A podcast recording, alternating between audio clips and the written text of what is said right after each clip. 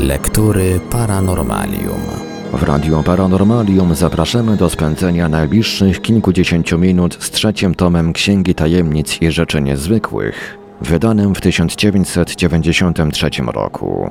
Wyborem i opracowaniem historii, które znalazły się w tej książce, zajął się Thomas Decin. Książka, którą z czystym sumieniem można polecić fascynatom tematyki paranormalnej oraz odbiorcom wychowanym na serialu z Archiwum X. Jest to jedna z tych pozycji literackich, które przenoszą nas w inny wymiar. Do światów równoległych, opowiadając o zjawiskach i zdarzeniach, które często zajmują miejsce na półce z napisem trudne do wyjaśnienia. Smutna wiadomość na dziś jest taka, że w dzisiejszym odcinku dotrzemy do końca tej niezwykle fascynującej lektury. Zapraszamy do słuchania.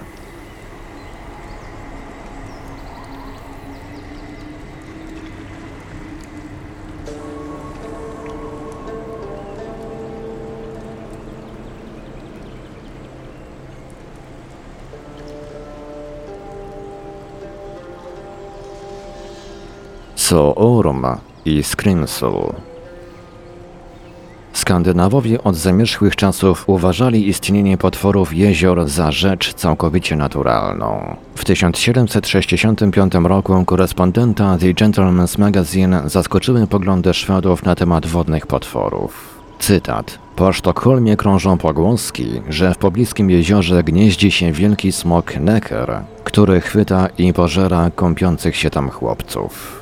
Koniec cytatu. W związku z tym pewnego upalnego dnia wierni próbowali odwieść biskupa Chłyta z Avranches od zamiaru pływania w jeziorze Malern. Dzielny duchowny nie dał się jednak powstrzymać i wszyscy byli nad wyraz zaskoczeni, widząc, że z tej opresji wraca cały i zdrowy.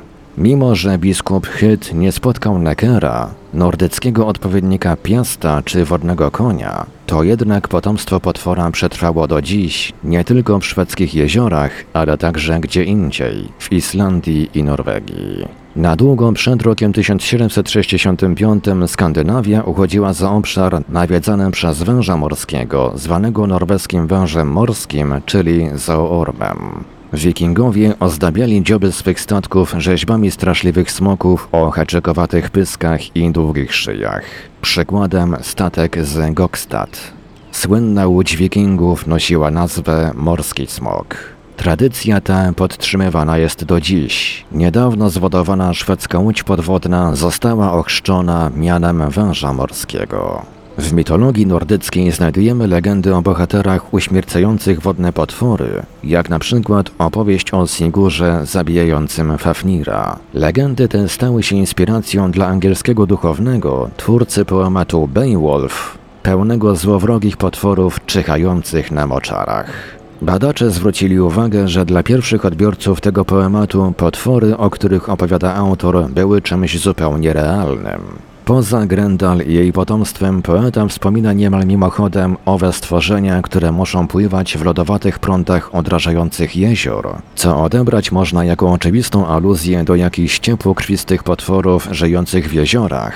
Podobnie jak wzmiankę o prawdziwych wężach morskich, które swymi zwyczajami bardzo przypominają foki.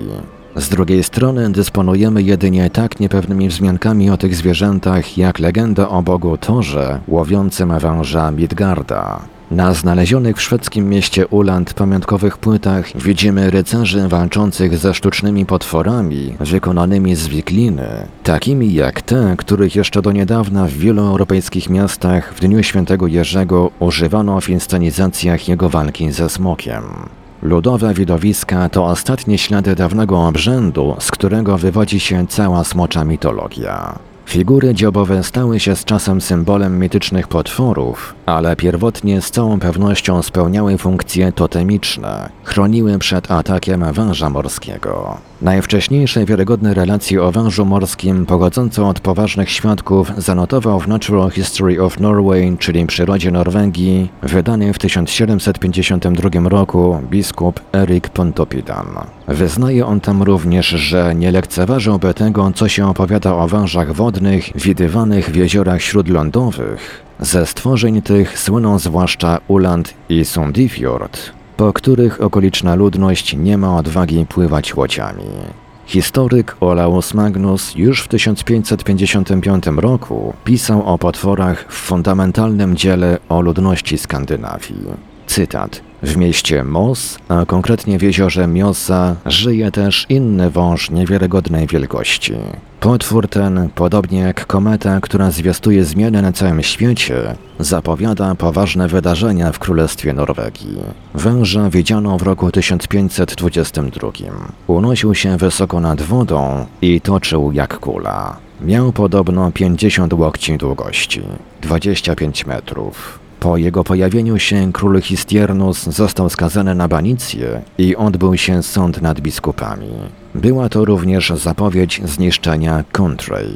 Koniec cytatu. Oleus zauważa również, że wąż morski wychodzi ze swych jaskiń tylko w czasie letnich nocy i przy pięknej pogodzie, a czyni to, by pożerać cielęta, jagnięta i świnie. Przypomina to potwora połykającego kozła, o którym mówią Arthur Grant, a także kojarzy się z rozważaniami Oudemansa z 1934 roku. W roku 1884 pewien holenderski dziennikarz po powrocie z Norwegii opowiadał Oudemansowi, że występujące czasem na powierzchni jeziora Miosa dziwne falowanie tamtejsza ludność przypisuje przemieszczaniu się węża morskiego, który wciąż jeszcze jest widywany. Norweska folklorystka Elizabeth Skiensvik po przejrzeniu mnóstwa najstarszych skandynawskich ksiąg oraz lokalnych kronik zebrała legendy również na temat innych jezior. W Hammer Chronicle, czyli kronice diecezji Hammer na przykład, obejmującej lata 1617 do 1624, znajdujemy jeszcze jedną wzmiankę o potworze z jeziora Miosa, tym razem zwiastującego uwięzienie przez luteran ostatniego norweskiego biskupa katolickiego.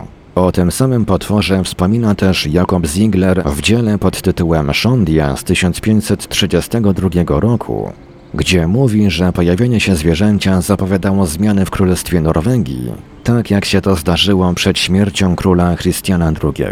Jego ciało, pisze Sklenswik, mieniło się wszystkimi barwami, a oczy były jak wielkie obręcze. Potwór żyjący w głębinie jeziora Lunda w Dalane na granicy z Rogolandem również pokazywał się przed zgonami norweskich królów. Wydaje się jednak, że był on raczej konserwatystą, gdyż za panowania Bernadotów przestał się pojawiać. Tak to wyglądało w legendach. W Islandii zetkniemy się z bogatszym materiałem na temat potworów. Jak twierdzi Boswell, dr Johnson znał na pamięć cały rozdział przyrody Islandii, który brzmiał następująco. W Islandii węże nie występują. Tę omyłkę natury naprawił Scrimsl. Znali go już pierwsi norwescy osadnicy, ponieważ wspomina o nim The Landanamabok, historia wczesnej Islandii, a także kilka sag. Kronika Islandii odnotowuje pojawienie się w roku 1345 w Lagarflot czegoś zdumiewającego, co jest uznawane za żywe stworzenie. Raz wygląda to jak duża wyspa, kiedy indziej znów pojawiają się oddzielone wodą garby. Nikt nie zna prawdziwych rozmiarów tego stworzenia, ponieważ nikt nie widział ani jego łba, ani ogona. Nie ma zatem pewności, czy ono w ogóle istnieje. Lagarflot jest słodkowodnym jeziorem o wydłużonym kształcie, leżącym we wschodniej Islandii. Jon Arnarsson przytacza w publikacji Tjotsogur opis Skrimsla, przekazany mu przez naocznych świadków, którzy go widzieli w Lagarflot w latach 1749-1750. Byli to ludzie wykształceni, a wśród nich prawnik o imieniu Peter wraz z dwoma znajomymi. Cytat. Przyrównali oni wielkość potwora do rozmiarów sporego, szybko poruszającego się statku. Po dokonaniu obserwacji mężczyźni udali się pod wieczór do farmy Arneitarstede, gdzie opowiedzieli o swych przeżyciach. W tym czasie potwór wynurzył się z jeziora naprzeciwko farmy. Był chyba bardzo długi i odsłaniał okazały garb. Jednemu z patrzących wydało się, że pod powierzchnią dostrzega poruszający się ogon potwora. Stworzenie to widzieli wszyscy bez wyjątku pracownicy farmy. Później zaś mieszkańcy Hrafnegorthis mogli przez cały dzień obserwować trzy wynożone z wody garby. Koniec cytatu. Po jakimś czasie na powierzchni Lagarflot widziano tajemnicze zwierzę ponownie, a po raz kolejny w roku 1819. także w pobliżu farmy Arneiterstede. Należy pamiętać, że w tamtych czasach Islandia była odizolowana od świata i zamieszkała przez nieliczną ludność żyjącą głównie w oddalonych od siebie farmach. Społeczność ta jednak bardzo sobie ceniła zdobywanie i przekazywanie informacji, dzięki czemu mamy dziś możliwość poznania tych historii. W roku 1860 29-letni badacz Starych Sag oraz członek Norweskiego Towarzystwa Literackiego, wielebny Sabine Baring-Gould, objeżdżał odległe zakątki Islandii, malując akwarelami wulkany, gejzery i lodowce. Pod koniec podróży przybył pewnego wieczoru do niewielkiej prowincjonalnej osady. Cytat. Ku naszej obopólnej radości spotkaliśmy się w Skokotr z Martinem i pewnym Jankesem, którzy wrócili właśnie ze Skoradalsvatn, gdzie spędzili tydzień na łowieniu ryb.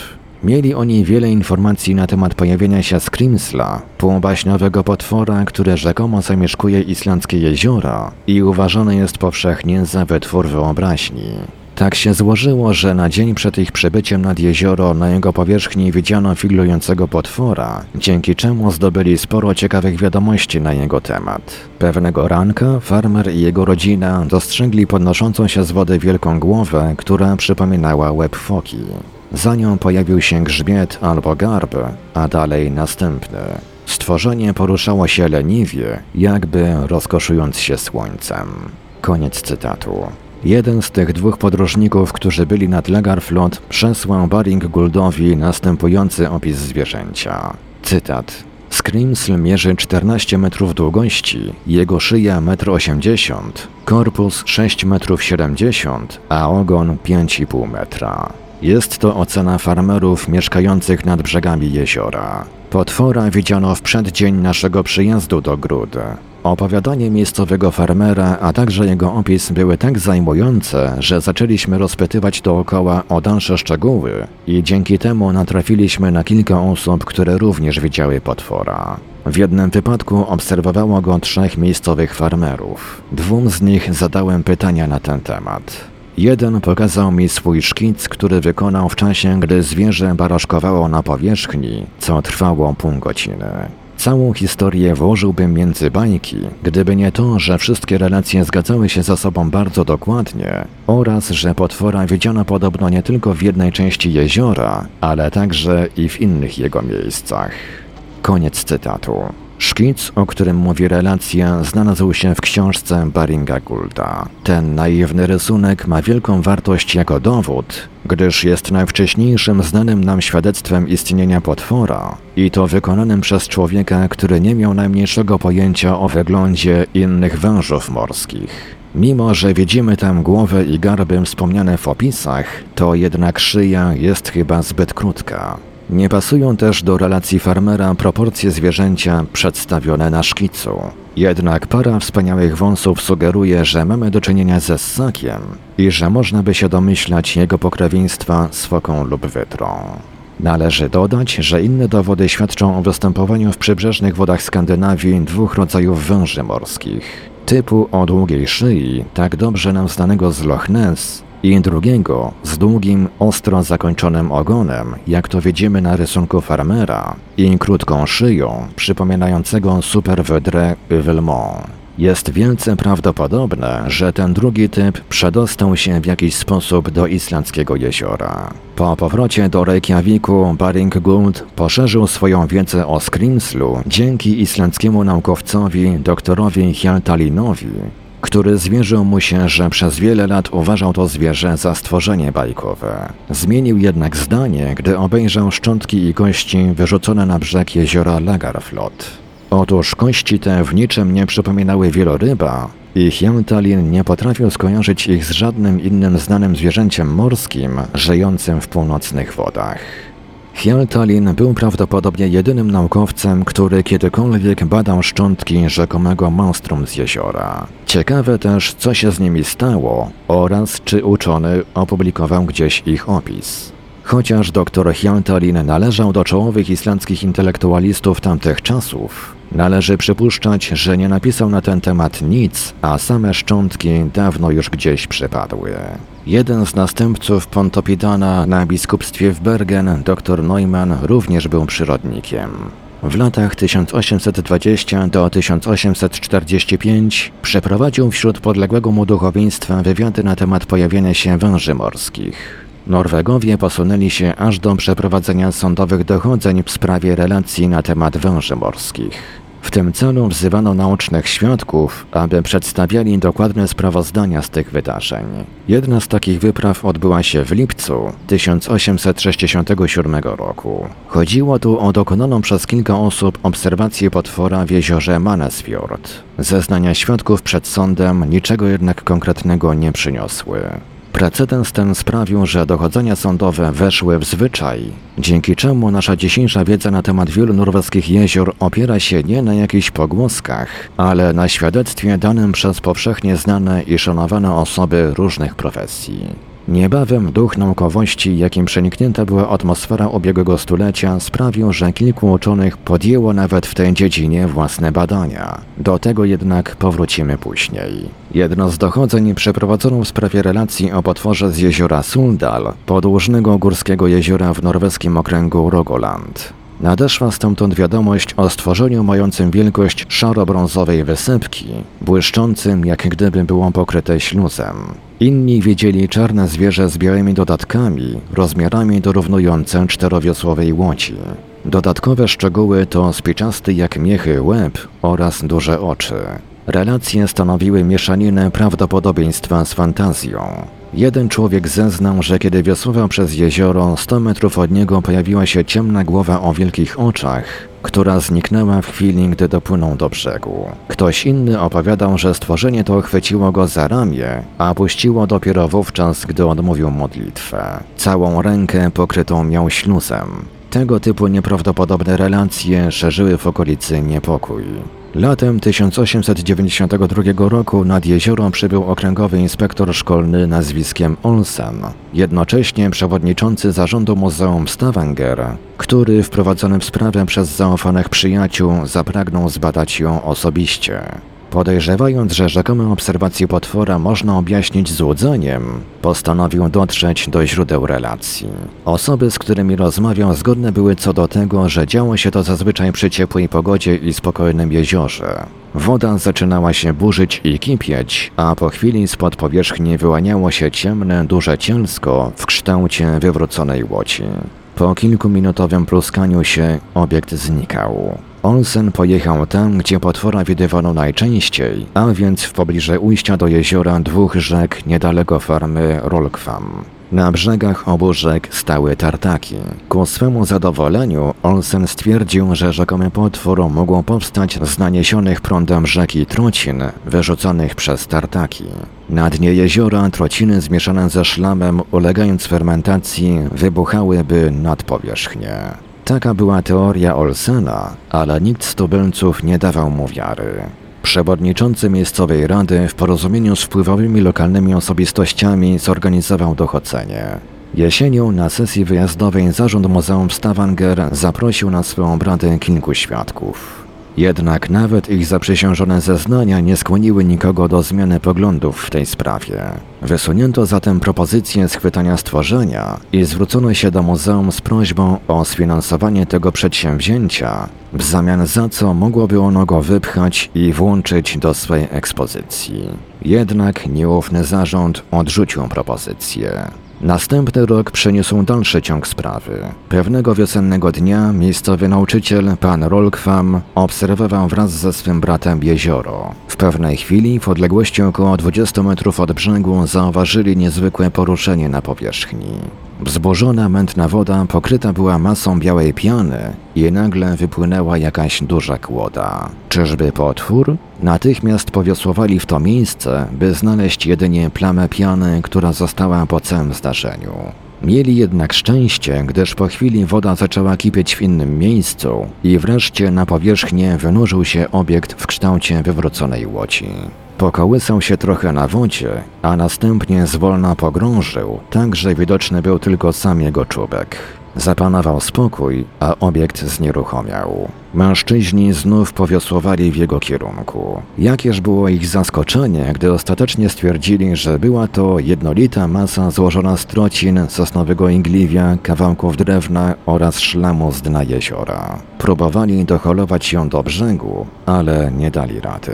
To interesujące sprawozdanie. Jest ono wyciągiem z raportu w sprawie potwora z jeziora Sundal sporządzonego w 1897 roku przez Olsena dla rocznika wydawanego przez Muzeum Stavanger. Dostarczyło Morrisowi Burtonowi sztandarowego przykładu mat roślinnych, którymi tłumaczył on relacje pochodzące z nad Loch Ness. Choć prawdą jest, że pierwsze publiczne sprawozdania o pojawieniu się potworów w norweskich jeziorach i rozpoczęcie prac rzecznych tartaków zbiegły się w czasie, przecież może to być tylko zwykły przypadek.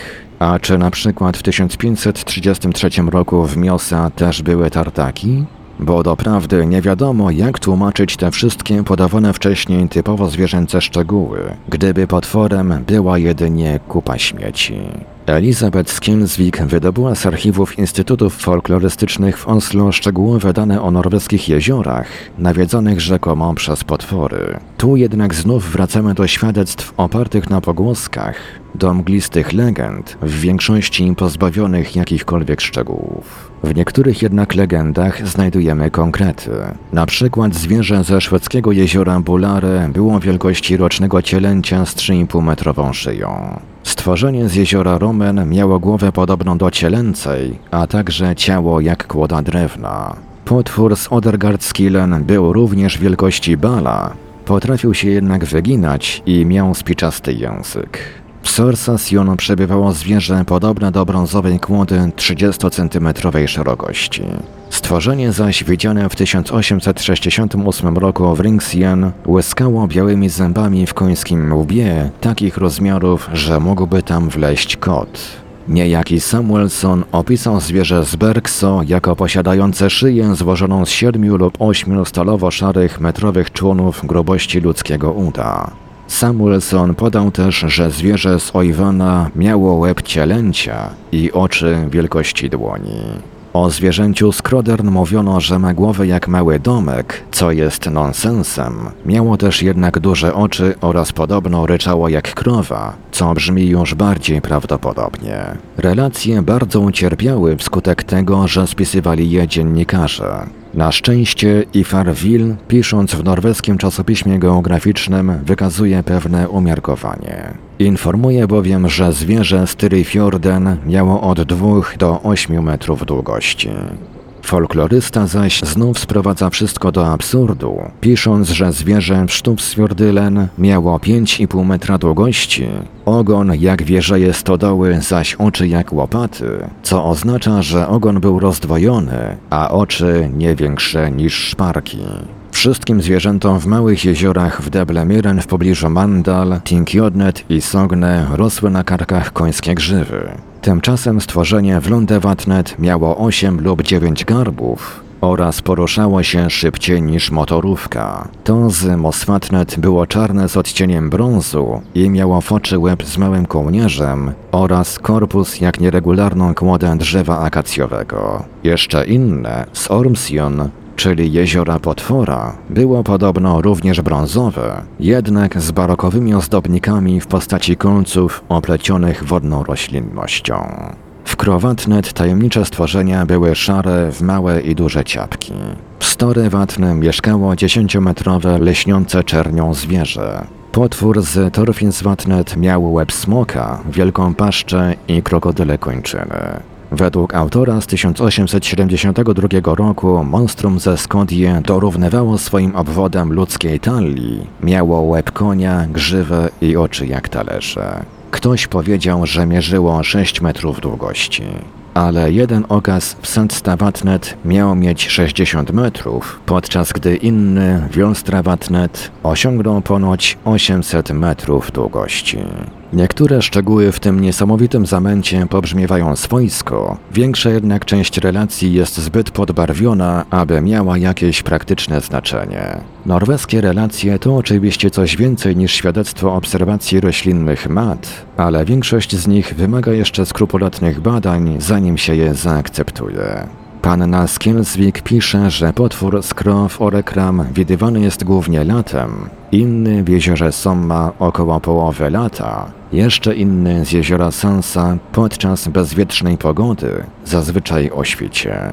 Dodaje ona, że pojawieniu się potwora towarzyszy zwykle wzburzenie i niepokój w wodzie.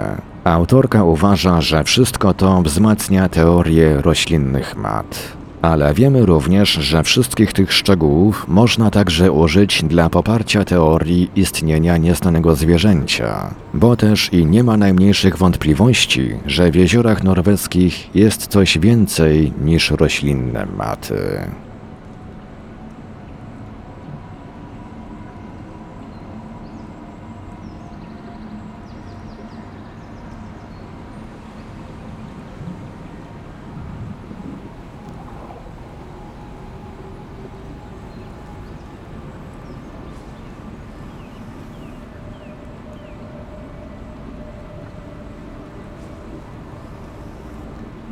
W Radiu Paranormalium zaprezentowaliśmy ostatni fragment książki Tomasa Degina Księga Tajemnic 3. Archiwalne odcinki Lektur Paranormalium znajdziesz do pobrania w archiwum naszego radia na stronie www.paranormalium.pl